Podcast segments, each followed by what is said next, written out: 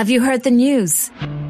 The Irish Independent has a new podcast. Thousands of people who work in the events industry are making more noise than ever, but are they being listened to? 20 minutes, five days a week. The Indo Daily takes you beyond the headlines and into Ireland's most talked about stories. Two gangs, 18 people killed, families torn apart. The Indo Daily podcast, named one of Apple's best new podcasts of 2021. Nå er det ideologi fra kommunistene som styrer, for de, og du ser jo Arbeiderpartiet de, de svinger jo kappa etter vind, så de ser jo at de, de kommunistene trekker stemmer på det, så da begynner jo de å, å svinge mot det, og så vet de ikke til slutt hva de vil. Så er jeg jo glad for at jeg ikke forblei død, for det hadde jeg egentlig ikke tid til. for Jeg hadde så jævlig mye ugjort. Mannen som snakker, er sammen med sin bror god for 15 000 millioner kroner. Nå har vi fått ham til oss, Norges største velferdsprofitør. Velkommen til Stavrum Eikland.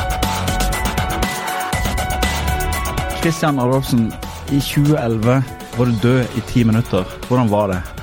Nei, Jeg merka ingenting. Jeg våkna opp igjen, så var det akkurat bare så å sove hardt i, i noen timer. Så eh, ellers så merka jeg ikke noe veldig til. Men hva har det gjort med deg?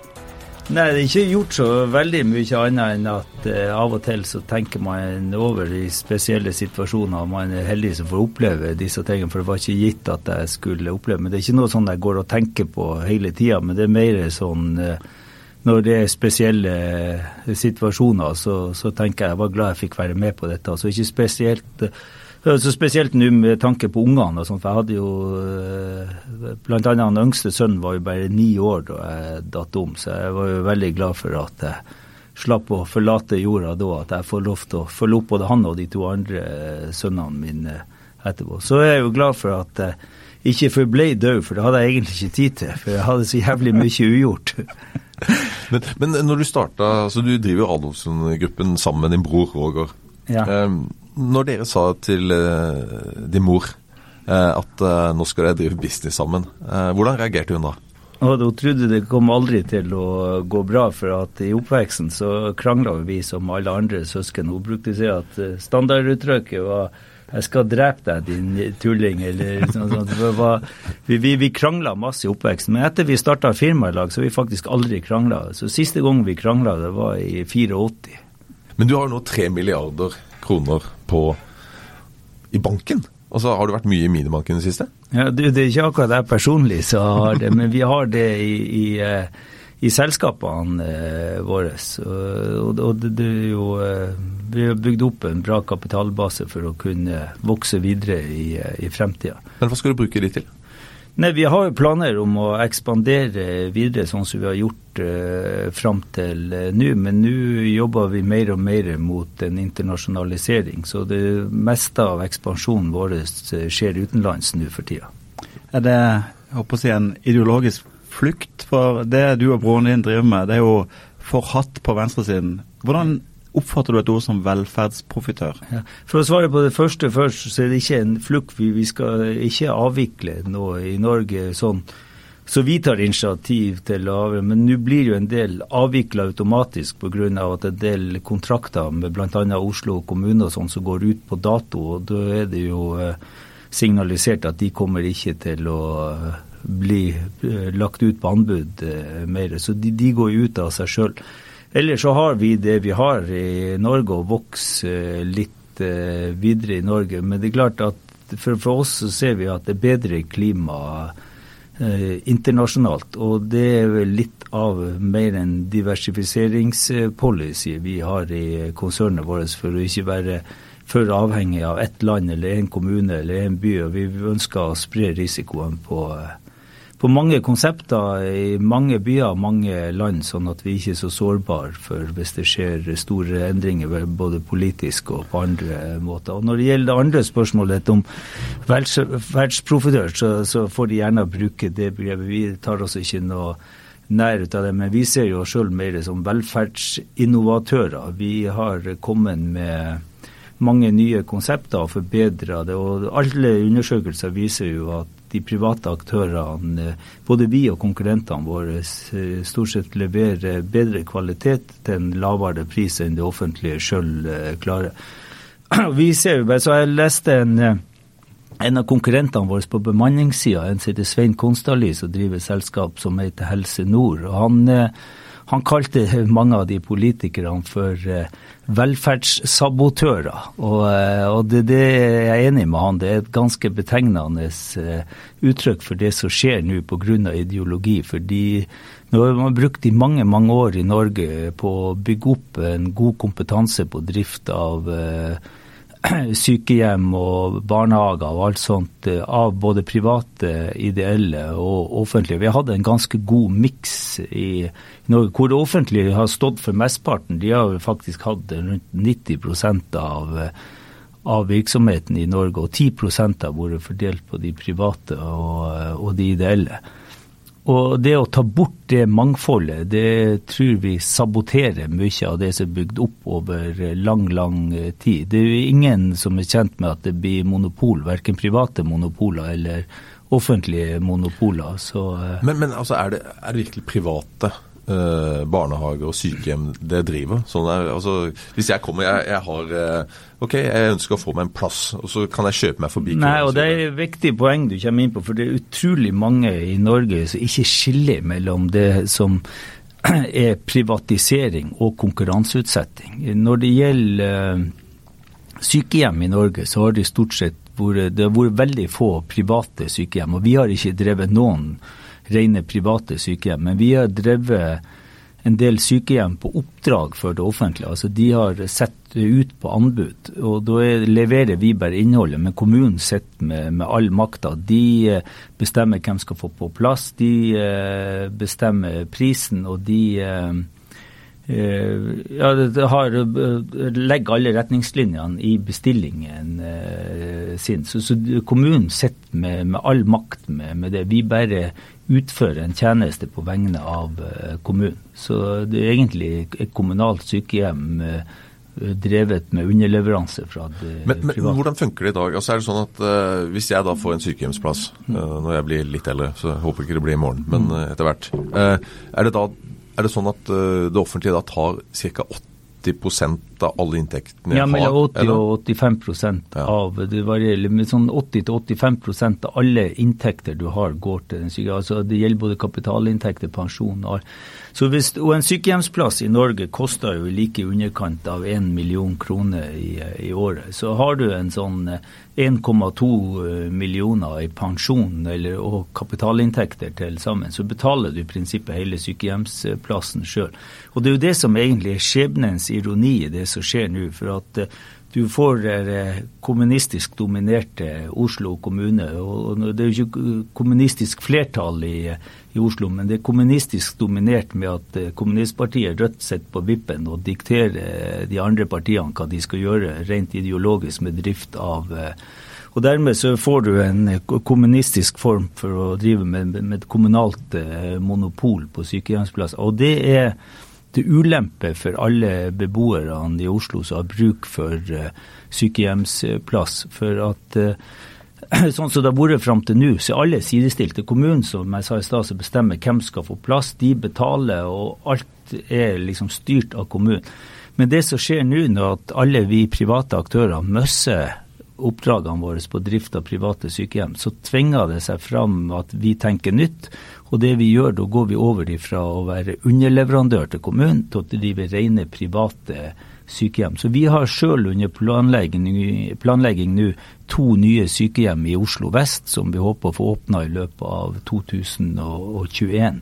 Ok, Så der kan jeg, eh, hvis jeg har masse penger, kan jeg gå og kjøpe meg inn. Ja, og det blir det nye. Så, så det, det, er jo skjebnens ironi her. Det som de kommunistene der egentlig vil skal uh, være mer likhet. De fører til mer ulikhet, for at nå går de fra konkurranseutsetting til ren privatisering. Og da kommer vi til å drive sykehjem som folk kan betale for sjøl, og nærmest vi driver et hotell og satser på god liksom super service og god behandling og driver sykehjemmene eh, sånn som nærmest du driver et, et, hotell. Og Da kan folk bestemme om de vil bo hos oss eller hos en konkurrent eller hos andre. Det der markedet kommer til å vokse veldig de neste årene. Hva koster en sykehjemsplass da privat hos dere? Jeg regner med at det blir sånn I, i dag koster Når vi driver for kommunene og sånt, så og, og, da har du ikke den husleiedelen. For da er det da er det kommunen som stiller et bygg til disposisjon, og så drifter vi på, på vegne av kommunen. og Da ligger det på like underkant av 1 million, mellom 900 000 og 1 million i året for en sykehjemsplass. Og når du skal drifte helt privat, så får du et husleieelement i, i tillegg. Så da, tipper jeg en eh, Vi har ikke kalkulert og gjort ferdig det ennå, men det blir nok over en million kroner. Som, eh, så hvis du har en million halvannen i trygd, så vil det nesten svare seg å kjøpe en privatplass hos deg, framfor å gi de pengene, samme pengene til kommunen? Ja, jeg sa i stad, hvis du har rundt 1,2 millioner til sammen i pensjon og kapitalinntekter i året, så, så, eh, så, så kan du stort sett uh, kjøpe det sjøl i stedet for å, å bo på kommunalt sykehjem. Men forklar meg en ting. Altså, Kapital eh, sier at du og broren din er verdt 2,8 milliarder kroner hver. De er blitt rike på å drive asylmottak, på gamlehjem, barnehager. Hvordan er det mulig å bli milliardærer på å drive med velferd? Ja, men Det er bare det de fokuserer på i media. Poenget er at uh, det meste av formuen vår har vi egentlig bygd opp på, på eiendom. Altså, jeg og broren min vi starta jo for oss sjøl på, på 80-tallet og slutten av 80-tallet. Vi har jo drevet i over 30 år virksomhet med både hoteller og reiseliv. Og vi, I dag driver vi en virksomhet med fire eh, hovedforretningsområder. Det er reiseliv, det er eiendom, det er bemanning og helse og omsorg som det siste forretningsområdet. Pluss at vi har en sånn diversavdeling med litt forskjellige ting. Så, så de, de, største verdiene våre det har vi jo bygd opp på andre ting enn uh, innenfor helse og omsorg. Men 2,8 milliarder altså, på hver av dere, det, det, virker, altså, det er jo mye penger. Men når jeg ser på hva dere driver med og tall osv., så, videre, så virker det veldig lavt. Altså, hvor, hvor mye er dere gode for? Nei, Det vet jeg ikke, har ikke vi regna på. Vi, vi, vet at vi sitter på, på, en del eh, verdier, men det, det, er ikke noe akkurat noe vi sitter og, og, regner på. Det betyr ikke så mye. Vi bare passer på at vi har hele tida nok likviditet til å satse videre. Men, men altså, vi kan trygt si at eh, dere har jo en omsorgsvirksomhet som omsetter for 7,5 milliarder. Mm. Og, og, det er jo vel det den type selskaper går for eh, også. Eh, de går for hva det omsettes for, ca. Eh, der har dere kanskje noen milliarder i gjeld trolig. Så der sier over 5 milliarder bare på omsorg. Og så har det bemanning. Der omsetter det for 3 milliarder. Det har jo en stor verdi. Det har jo eiendom. Nå solgte de jo litt av det, men de sitter jo iallfall igjen med eiendom for minst 6 milliarder. Altså Vi snakker om mellom 10 og 15 milliarder kroner at dere er gode for. Ja, det vil jeg ikke ha noe formening om. Kom da! Kom da! Nei, vi, vi, vi, vi, jeg skal ikke benekte at vi sitter på, på, betydelige verdier, men det er ikke det som er fokuset eh, vårt. Vi, vi liker å skape ny virksomhet og komme videre. Og så må du selvfølgelig ha en del kapital i bakhånda for å være en trygg arbeidsgiver og for å kunne møte dårlige tider. Vi har jo opplevd det f.eks. med med flyktningkrisen. Vi ble jo masse skrevet om i avisen når vi eh, bygde opp flyktningkrisen. og Det var med asylbaroner og det var om alt eh, mulig. Og På det meste så, så omsatte vi for 1,5 milliard eh, på, på, på asylsida, og, og satt igjen med en hyggelig fortjeneste der. Men så plutselig så gikk jo det markedet rett i dass. Eh, eh, det, det, gikk jo ned. Sånn at i dag så er omsetninga vår på, på, asylvirksomheten den utgjør eh, bare under 20% av det den var på, på topp. Og vi har jo hatt nå to-tre år med underskudd på asylvirksomheten. Så det som vi tjente da når det var på topp, det har mer eller mindre gått bort i tap nå årene etterpå. Og det viser hvor nødvendig det er å, å tjene penger i gode år for å legge opp reserver for å kunne betale lønninger og avviklingskostnader og alt sånt når du, du får en nedtur. For klart at eh, når omsetninga i et selskap faller med 80 eh, nærmest, eh, ikke akkurat over natta, men over en veldig kort periode, så, så klarer du ikke å avvikle og like fort som, så, som inntekter faller. og Da er det viktig å ha en kapitalbase i bakhånda for å være en solid og trygg arbeidsgiver. Men til, til disse stemplene som blir satt på dere. Du nevnte nå asylbaron velferdsprofitør eh, henspeiler på en måte på krigstiden, folk som var krigsprofitører. Mm. Blir du ikke såra av den type merkelapper? Nei, vi lar oss ikke affisere av sånt. De får bare kalle oss hva vi Vi vet hva vi står for og hva vi gjør. og Vi vet vi leverer veldig gode kvalitet til en lav pris. Og når, Hvis du ser på bare Norlandia, som er mest kjent innenfor omsorgsdelen, som står for ca. 5 milliarder av de 14 milliardene vi omsetter, så har vi de tre siste årene, pga. at det gikk opp, først opp på asyl og ned på asyl, så har vi eh, falt den asylomsetningen, men så har vi kompensert med annen omsetning. Så i snitt så har vi omsatt for ca. 5 eh, milliarder i året på Norlandia.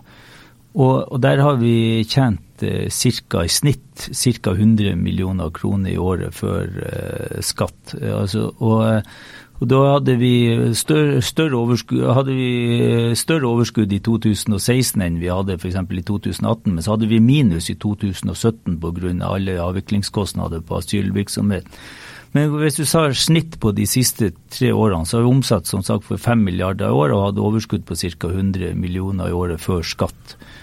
Og, og, av, og 2 av eh, omsetninga, det syns jeg ikke er noe sånn formidabel profitt. Det er ikke mer enn du må ha for å være en trygg og god arbeidsgiver og for å kunne bygge opp litt eh, kapital i, i, i bakhånd. Men det er jo mange som påstår at det, altså, uh, hvis, du, hvis, du, går inn på vilkårene til de ansatte og sånt, at det er mye dårligere hos dere? Ja, Det er det ikke. Det er fritt arbeidsmarked. Folk søker jobb der de eh, vil. Vi tvinger jo ikke noen å jobbe hos oss. Vi har ikke noe dårligere. Mange ting, altså Det som har vært litt diskusjoner, det har ikke vært på, på lønninger, men det har vært litt sånn diskusjoner på, på pensjonsordninger som går på om du har innskuddsbasert pensjon eller om du har ytelsesbasert eh, pensjon.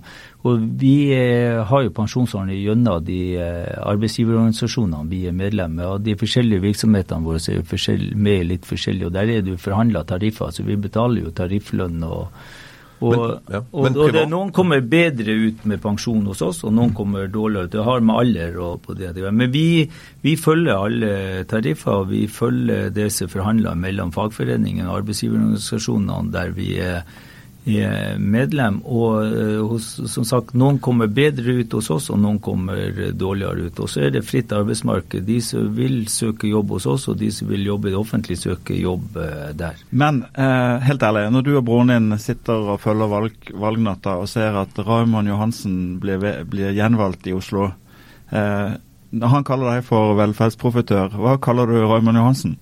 En velferdssabotør. For de ødelegger det som er bygd opp over eh, mange, mange år.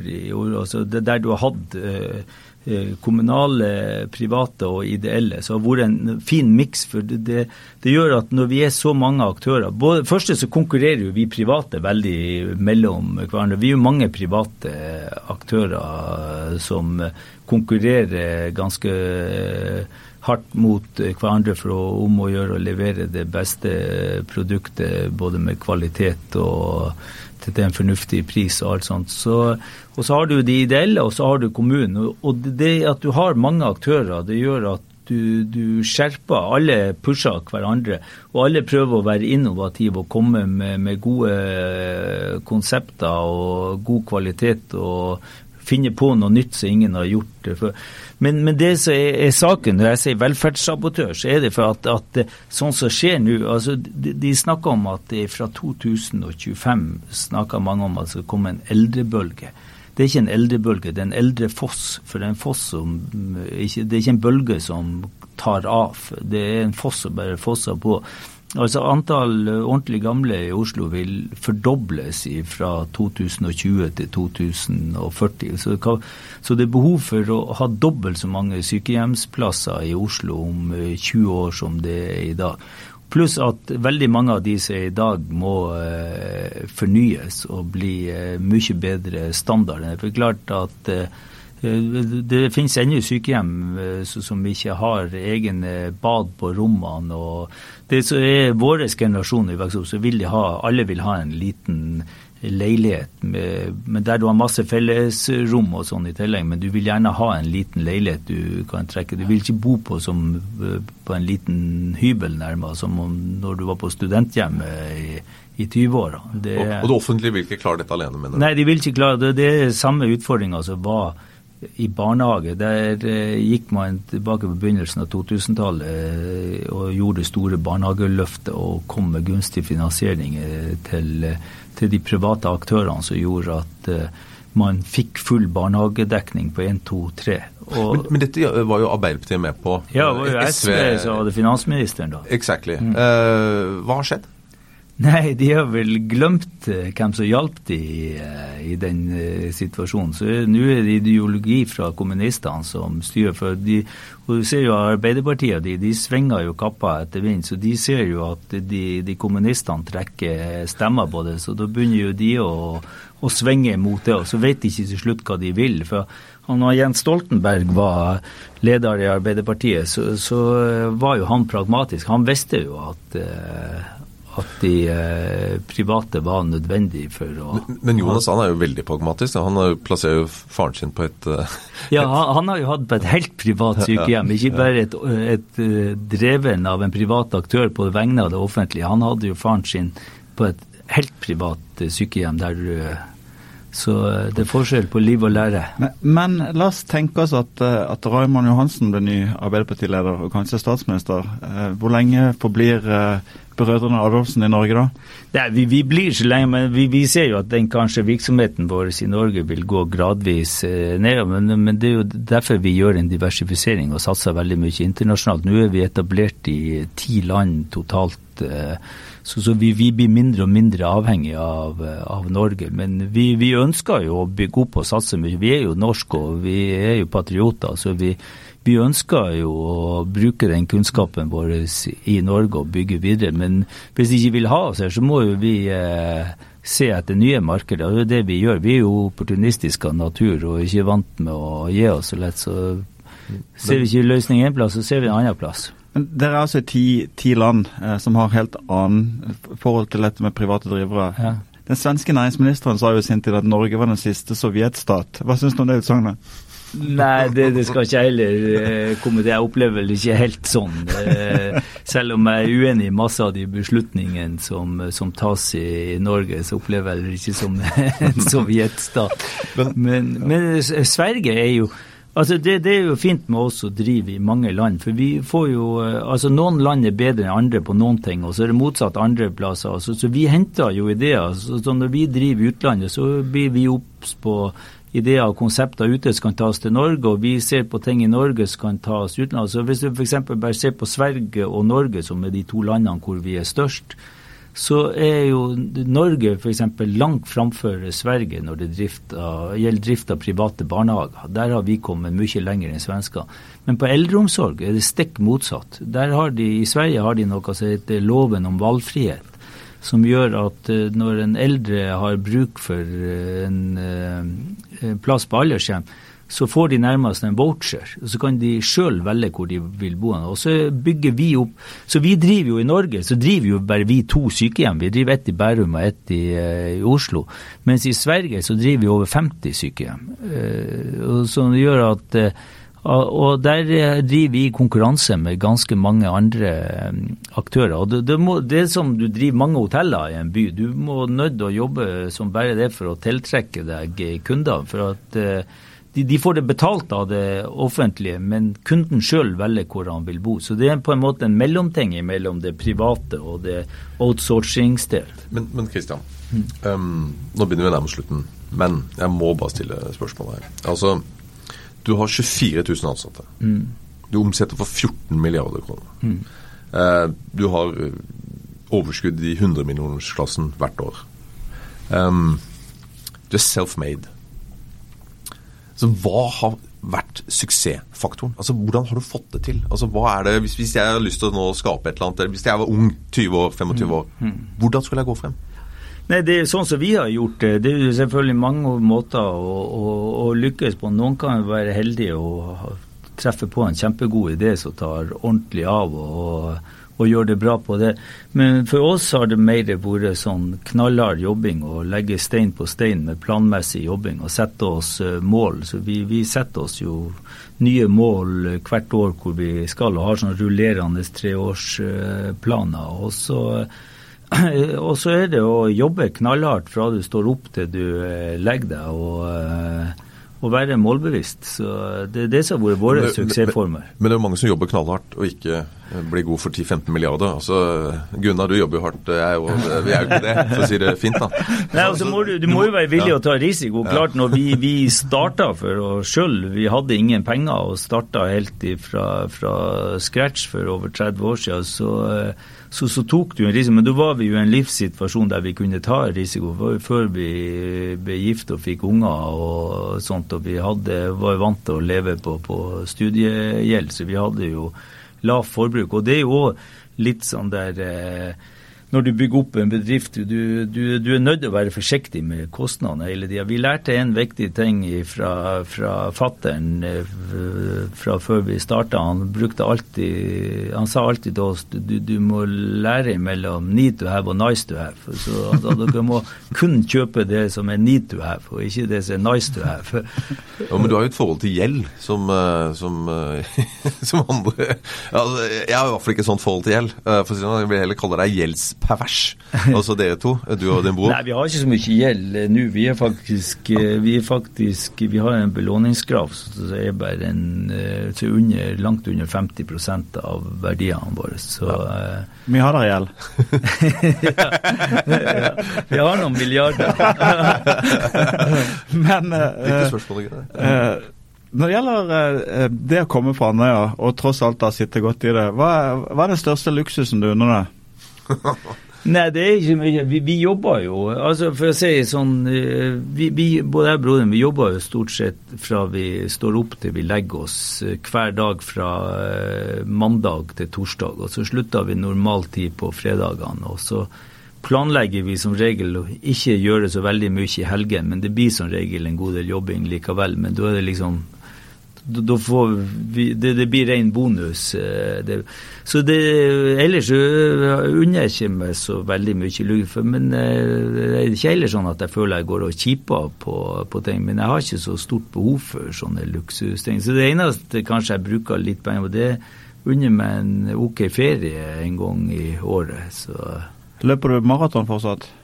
Nei, ja, nei, ikke Men jeg trener fortsatt. Men jeg, hun bor i lag med, hun er ikke så glad i at jeg skal sprenge med startnummer på meg, så jeg er ikke med i noe sånne løp. Men, men jeg, jeg, trener tre ganger i uka fortsatt. Og Hvis jeg skal oppsummere rådene dine, så er kanskje det viktigste rådet det er tross alt å ikke dø, for det har du ikke tid til. Ja, det er det beste.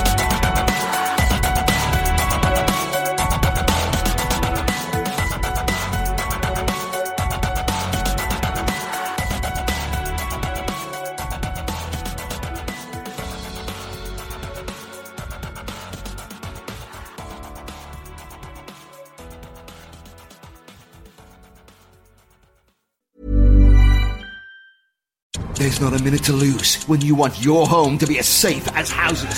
So get safe and save too with a big 40 euro reward and great value home insurance cover. All it takes is one big click or call. Just visit supervalue.ie slash insurance or call 0818 010101 and our SuperValue team will save the day. Now let's get moving. Terms and conditions apply. 40 euro in rewards includes two 10 euro off 40 euro vouchers plus 2,000 real rewards points equivalent to 20 euro. Offer excludes contents only policies and is valid until 28th February 2022. This home insurance is underwritten by AXA Insurance DAC. Super Valley Financial Services DAC trading Super Value Insurance is regulated by the Central Bank of Ireland. Have you heard the news? The Irish Independent has a new podcast. We're not in the fairy tale business as journalists. We're in the truth business and the question would there 20 minutes, 5 days a week. The Indo Daily takes you beyond the headlines and into Ireland's most talked about stories. So, 25 years on, people are absolutely fascinated again with this case. The Indo Daily podcast, named one of Apple's best new podcasts of 2021.